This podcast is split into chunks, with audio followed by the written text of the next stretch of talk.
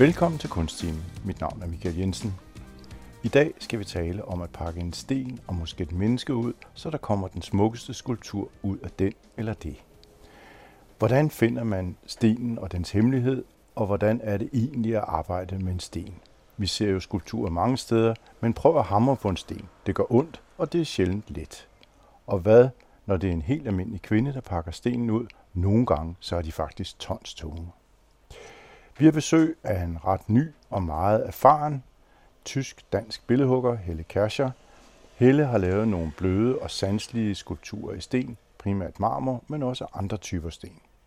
Jeg tror, uden at bruge alt for store ord, vil det være rimeligt at sige, at her er tale om et særligt talent. Velkommen, Helle.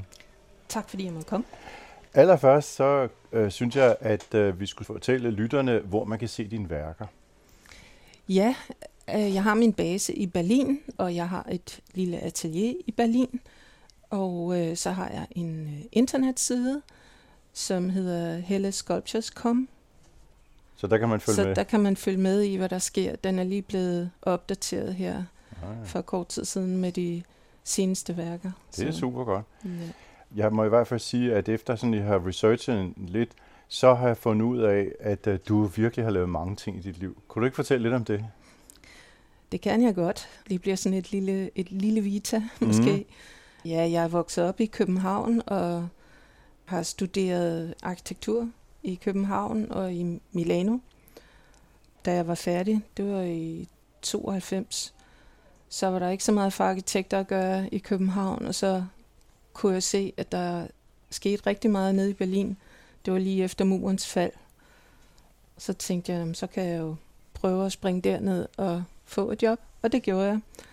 Og det var vildt spændende, og der var masser af mennesker fra hele verden, der var kommet dertil for at arbejde.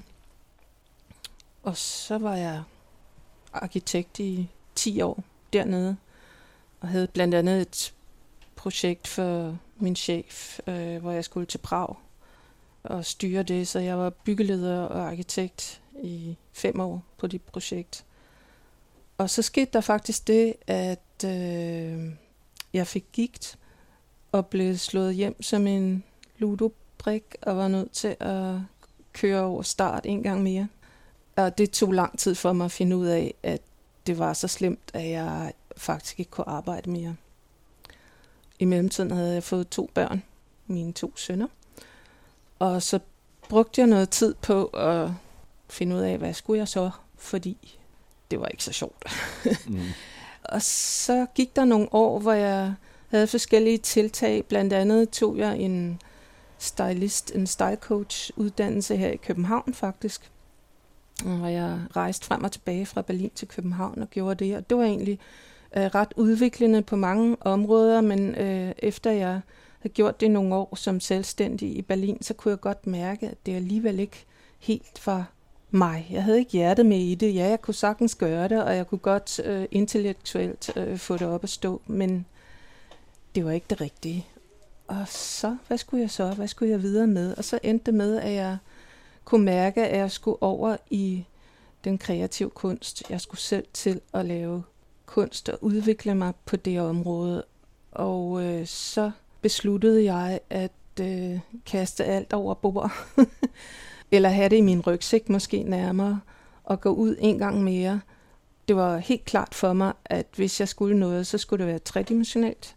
Det kom måske fra arkitekturen. Og det skulle heller ikke være noget med at sidde og lege med ler eller noget. Det skulle være sten med det samme. Jeg kunne mærke, at den der modstand, som stenen har, den vil jeg godt afprøve. Og så startede jeg i Berlin med et kursus, som jeg fandt på nettet, og var så vanvittigt heldig at møde min lærer og mentor, og i dag en god ven, som har virkelig betydet enormt meget for min udvikling. Og øh, jeg var meget beskeden og skulle helst have noget, hvor jeg vidste, at det kunne jeg også finde ud af at blive færdig med. Så det var nogle bitte små ting i starten, men jeg skulle bare tage fat om den der sten, og så vidste jeg med det samme, det er det, jeg skal. Mm. Og det var i 2013. Længere tid siden er det ikke. Men efter det er det gået stærkt. For jeg var klar over, at jeg havde ikke lyst til at sidde og nusse. Det skulle være i en stor målstok og op med armene. Så det er jeg stadigvæk i gang med, og det er forhåbentlig en proces, der går videre og videre. Du sagde, da jeg talte med dig den anden dag, at du var meget flittig. Ja, det er jeg også. Det har jeg i, i mig, tror jeg, at øh, jeg kan være meget insisterende med det, jeg selv laver. Mm. Det er både en, en slags tålmodighed med det, jeg gør, og, og også en, en øh, ja, jeg, jeg bliver ved indtil jeg er færdig. Det er sådan den slags flid, ja. vil jeg sige. Hvis vi nu lige kigger på stenene der, hvordan finder du den rigtige sten at pakke ud? Altså, det er jo ikke en hvilken som helst sten, man lige finder på det næste gadehjørne. Nej, det gør man selvfølgelig ikke. De fleste af de sten, som jeg har og har brugt, dem finder jeg i Italien. Og det er først og fremmest øh, marmor og også andre blandinger. Og den allerførste gang, jeg var i Italien og skulle finde en sten, det var en, en sjov historie. Der var vi i den nordlige Toskana oppe i bjergene, hvor der også er et, et øh, altså der er flere marmorbrud deroppe, og en kæmpe flod, hvor der ligger marmor rullesten nede i den her flod, så den er helt hvid af, af de her kartoffelformede rullesten, som har ligget der i 500 år og blevet skubbet frem og tilbage. Dengang var det sådan, at man, man kunne gå ned i floden og finde en sten. Det, det er sidenhen blevet lidt mere forbudt, øh, så man skal ikke gøre det. Men dengang kunne vi gå ned, og den dag jeg var der, det regnede simpelthen i tåge. Og vi skulle altså ikke ned til floden, vi skulle ud i floden med alt vores tøj. Og øh, så sagde vores lærer, når I finder en sten, og jeg er sikker på, at I finder den. Jeg tænkte, nå, okay. Der lå millioner af de her sten.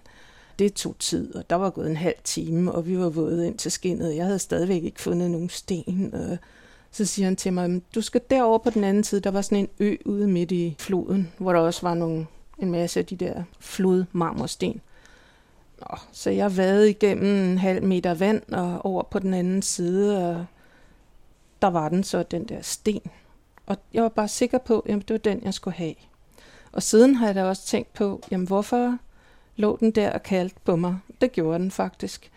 Og der er mange af stenene, som jeg har siden har brugt, øh, som har haft sådan en slags øh, ja, det er en dialog, man så får i gang, som både er der, når man starter, og også øh, i, imens man arbejder med den. Kan du huske, ja. hvad der var karakteristisk ved den første sten?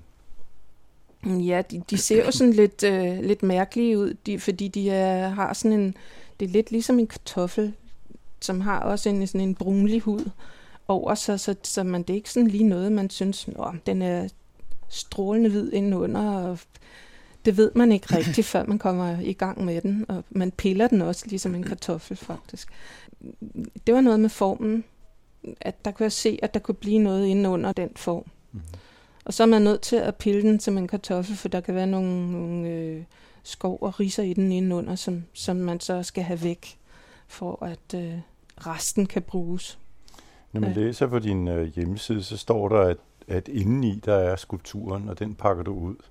Ja. Det interessante her, det er jo, ved du, når du ser stenen, hvad den ender som, eller er det stenen selv, der fortæller historien? Så du ved ingenting, når du starter? Jo, efterhånden ved jeg godt. Man kan godt starte uden at vide noget, og gå med på den sten, man så har. Det er en metode, og så udvikler den sig, og så kommer der et resultat. Men jeg er selv glad for at have et koncept, som jeg så bruger. Jeg bygger små, laver sådan nogle små mockups og modeller og tegner meget. Men det er klart, at man ikke kan 100% sikkert sige, at det bliver så præcis sådan, fordi en sten er, det er et levende materiale.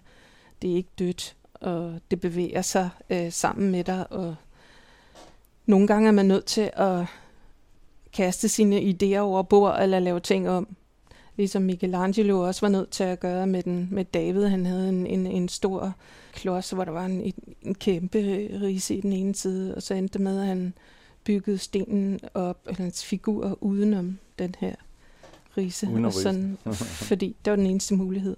Derfor den står sådan, David står sådan lidt på den ene hofte. Okay. ja. ja, der er en god forklaring på alting. Ja. Men hvad sker der der med den sten der? Altså, jeg kunne, altså, det er jo interessant nok, fordi hvis man ser symbolistisk set på det, så er en sten jo et kristussymbol, som igen er et symbol for kærlighed. Så når man ser den sten, så kunne man jo sige sådan symbolistisk set, at det man står og kigger på, det er en kærlighed. Giver det mening for dig? Ja, det kan man sådan set godt sige. I hvert fald for mit vedkommende var det kærlighed ved første blik, da jeg mødte de der Ja, det øh, det. min, min marmorsten, og det er blevet en, en lidenskab, som jeg ikke øh, kan lægge væk, og de dage, hvor jeg ikke øh, har tid til at, at stå og røre ved, ved stenene, ja, så længes jeg faktisk efter dem, så Mm. det kan man sådan set godt sige, at det er. Du fortalte noget om, marmor er jo hvid, og dermed uskylden. Så det er jo en meget uskyldig, altså uskylden som kærlighed. Nu går vi videre i symbolismen, ikke? Ja, marmor er jo ikke kun hvid. Der Nej. findes ekstremt forskellige øh, marmorer i alle mulige farver, men øh, nogle af de fineste, som, som findes der, hvor jeg går på arbejde i Italien, Mm. de er hvide. Ja. Den Statuario, som den hedder, den fineste og tætteste marmor, den er hvid med sådan en let creme farve. Men hvis man ser på, så, for, så laver du også no, noget i granit. Det er jo noget andet snak. Ja, det er det. Det startede jeg på for to år siden. Det var dels fordi, at jeg gerne ville lære, det er en helt anden teknik end marmor. Man kan ikke bruge de samme redskaber. Og øh, granitten, den er granithård. Mm. og øh, i forhold til marmor, der er marmoret fuldkommen blødt. Så når man har prøvet at lave noget i granit, så, og vender tilbage til marmor, så føles det helt anderledes. Når man har lavet granit, så ja, det er sådan set Königsklasse, som man siger. Mm. Mere kan man ikke opnå. Og jeg synes, det er vanvittigt spændende. Og dem, jeg har lavet indtil nu, det har været sten, der er kommet fra Norge. Forskellige norske granitter. Øhm, og så har jeg taget undervisning i det, for at lære, hvordan det foregår. Og, øh, Så det er en anden form for kærlighed. Det er en helt anden form for kærlighed, men øh, den er jeg også ret glad for, må jeg sige. Hvornår skifter du imellem de to? Hvad er det, der gør, at du vælger den ene frem for den anden til et værk? Altså, lysten driver værket i mange tilfælde i hvert fald. Så det er sådan lidt, hvad øh, for afvekslingens skyld, eller øh, hvis det lige passer ind, så øh, synes jeg, at nu, nu skal det så være sådan en. Hvis ikke der er nogen, der lige beder om, jamen, jeg vil gerne have, at du laver det eller Mm. mm. det, så mest er det mig selv, der bestemmer, at nu har jeg lyst til at, at det- starte, det- starte på det. Vi snakker om intuition her. Og ikke om din kærlighed lige præcis i den periode er på en bestemt måde. Og, altså, alle menneskers kærlighed, den står jo sådan og skifter en lille smule. Den nuancerer lidt med tiden, ikke? Ja, selvfølgelig så har det også lidt med, med min tilrettelæggelse af mit år at Mm. gøre. Mm. Sådan, så når jeg er i Italien, så, så er det de større øh, skulpturer, som er på, og så er det granitten. Og øh, der, hvor jeg har mulighed for at arbejde med en kran og med manpower, og kan opsøge Mm. mm. stenbrydene og se, hvad jeg skal bruge, Mm. og forhandlerne og, og sådan noget. Så ja, det næste, jeg skal til at lave, det er faktisk en, som jeg købte for to år siden, som ligger og venter på mig. Det er 400 kilo puderfarvet marmor, Mm-hmm. som kommer fra Portugal. Du har en idé. En idé, som jeg skal i gang med i august. Håber jeg, men det bliver men det er jo interessant, fordi når man sidder her og taler med dig, så vil jeg sige, at uh, det var nok det sidste, jeg havde forestillet mig i den her verden, det var, at du var billedhugger. Du ligner en helt almindelig kvinde, vil jeg sige. Altså, meget smuk er du, men en helt speciel kvinde. Det kan man ikke sige. Altså, det er jo hverken skipper skrækarme eller noget som helst andet. Altså, hvordan du tumler rundt med 400 kilo og flytter lidt den ene side eller den anden side. Der må være en del af logistisk tænkning i det. Ja, Jamen, det har også været lidt op ad bakke, men, men jeg har bare følt, at jeg var nødt til at gøre det. Men, men med logistikken, hvis jeg havde vidst, hvor, hvor, hvor meget arbejde en del af, af, af det hele er, det er ikke bare at stå og, og skære i stenen, det er også meget at bevæge den og få den transporteret fra A til B, eller få den pakket i en speciel billedhugger, skulpturkasse, og få den sendt afsted med spedition og alle de ting. Det har jeg måttet erfare. Og jo mere man gør det, jo, jo øh, mindre afskrækkende er den side af det. Men det skal tilrettelægges rigtig godt. Mm. Og man skal vide, hvem, hvem man skal have fat i, for det kan man ikke gøre alene. Men det er jo det, der, der er jo en af de ting ved at være kunstner. De fleste de tror jo, at når man er kunstner, så står man hele dagen og, og, og også noget af natten, fordi noget skal man jo lave med sit hjerte. Og, og så resten, det ordner sig selv, men det er jo mindst halvdelen af, at der er kontorarbejde og planlægning. Ja, det ved jeg ikke, hvad det er for dig. Ja, der er selvfølgelig en, en del computerarbejde af forskelligste øh, art. Mm. Sådan er det. Men, mm. øh, men jeg, jeg er gladest, når jeg, når jeg kan komme ud og, og få mine øh, hørebøffer på, og handsker, og maske, og briller, og mine øh, sikkerhedssko, og så... så kører vi. Og rundt saven, så kører ja. vi, ja. ja, ja. Det er dejligt. Jeg tænker på det der øh, stylist, du lavede, fordi på en måde, så tænkte jeg, da jeg sad nemlig også og læste lidt om det, og så tænkte jeg ved mig selv, kan vide, om du ser mennesker som skulpturer. Gør du det? Nej, det gør jeg faktisk ikke, men jeg vil vende tilbage til øh, det med den indre kraft, som øh, vokser ud af. I den forbindelse er det lidt det samme, øh, når man klæder mennesker på. Det gælder om at få den indre person til at lyse og få den frem. Og det gør man ved at hjælpe dem med at få dem til at føle sig godt tilpas med, hvad de har på. Så det vil sige, og det er der øh, forskellige regler om. Og sådan noget. Men det, det er lidt det samme med, med skulpturen. Ja, at finde, som du sagde før, hvad med at pakke en sten ud. Hvad sker der? Ja, så det er lidt her at pakke et menneske ud. Måske, og så bliver det pakket igen. Ikke? Ja, ja. Men, ja, ja. Men så du finder sjælen. Ja, mm-hmm. og hvis ikke den er med, så føler mennesker sig også forkert øh, i det forkerte tøj. Mm. Hvorfor kan man ikke finde ud af at købe det rigtige ind? Mm det kan man lære, hvordan det foregår. Og det mm. brugte jeg, og det bruger jeg stadigvæk på mange områder, men jeg vil sige, i forhold til mine skulpturer, så er det noget med at finde den indre sjæl, den indre kraft i de sten, jeg, jeg bruger, og så kommer der en skulptur ud af det til sidst, som mm.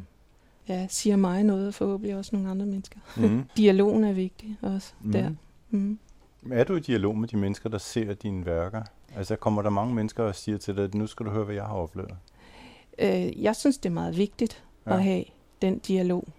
Og der er mange former for dialog. Der er dialog imellem de forskellige øh, skulpturer. Der er også dialog imellem mig og de mennesker, der ser på mine skulpturer. Og der er forhåbentlig også en dialog imellem min skulptur og de mennesker, der ser på min skulptur. Og der kommer mange forskellige resultater ud af de forskellige dialoger. Det er meget spændende, synes jeg. Mm.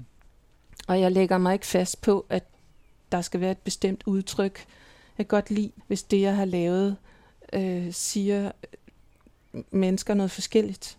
Mm-hmm. Det er op, også op til dem, og det er helt i orden. Mm-hmm. Jeg kan godt give dem en titel, og selv synes, at de skal have et, et vist udtryk fra min side, men øh, det er vigtigt at overlade en, en del dialog til andre. Mm-hmm. Det synes jeg er vigtigt. Nu er det jo ikke nogen hemmelighed, at kunstverdenen er meget mandsdomineret.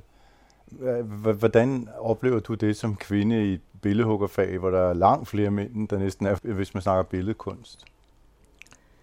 Det er okay. Men det er selvfølgelig sådan, at øh, ja, enhver gør det på sin måde. Der findes selvfølgelig kvindelige billedhuggere. Det gør der.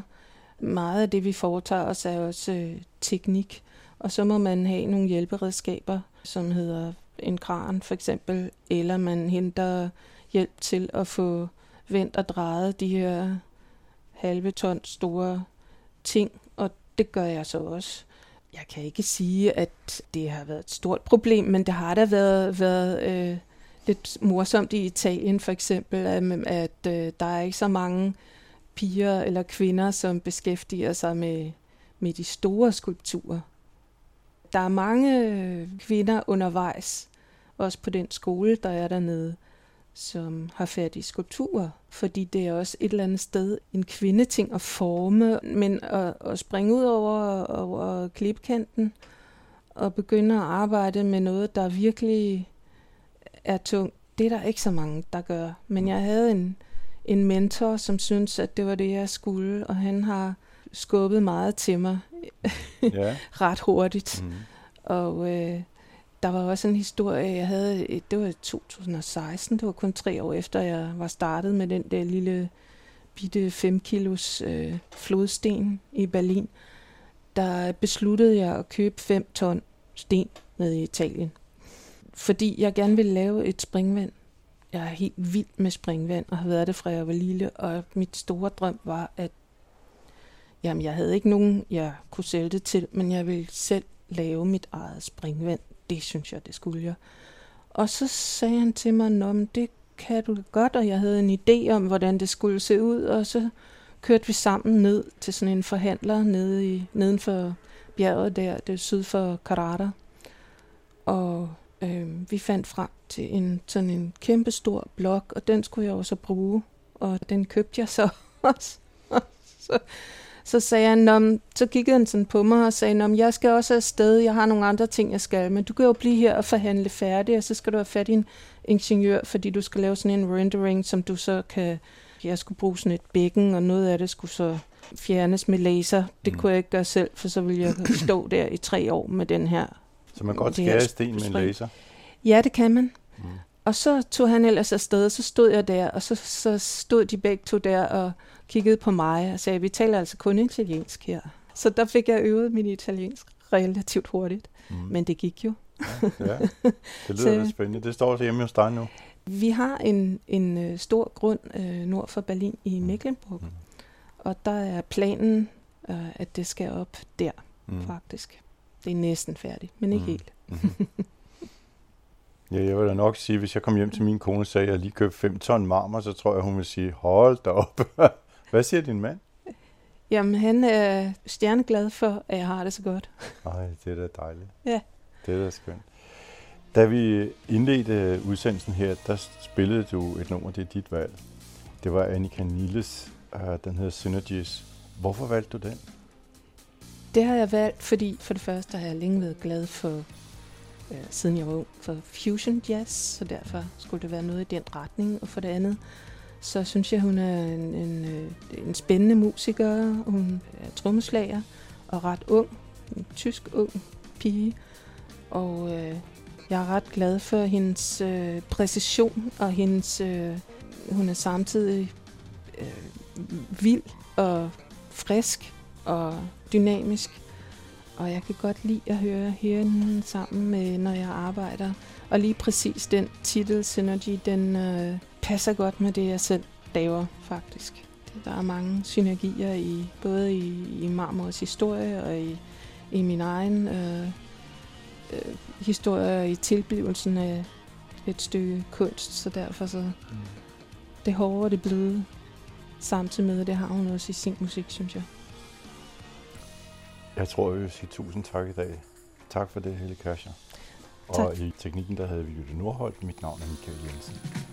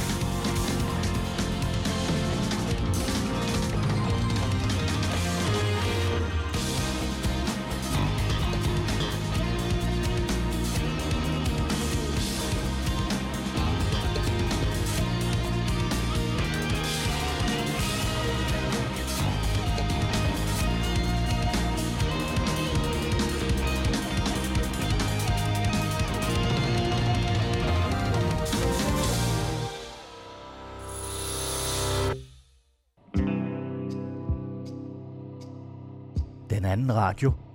I dybden, i bredden, i højden.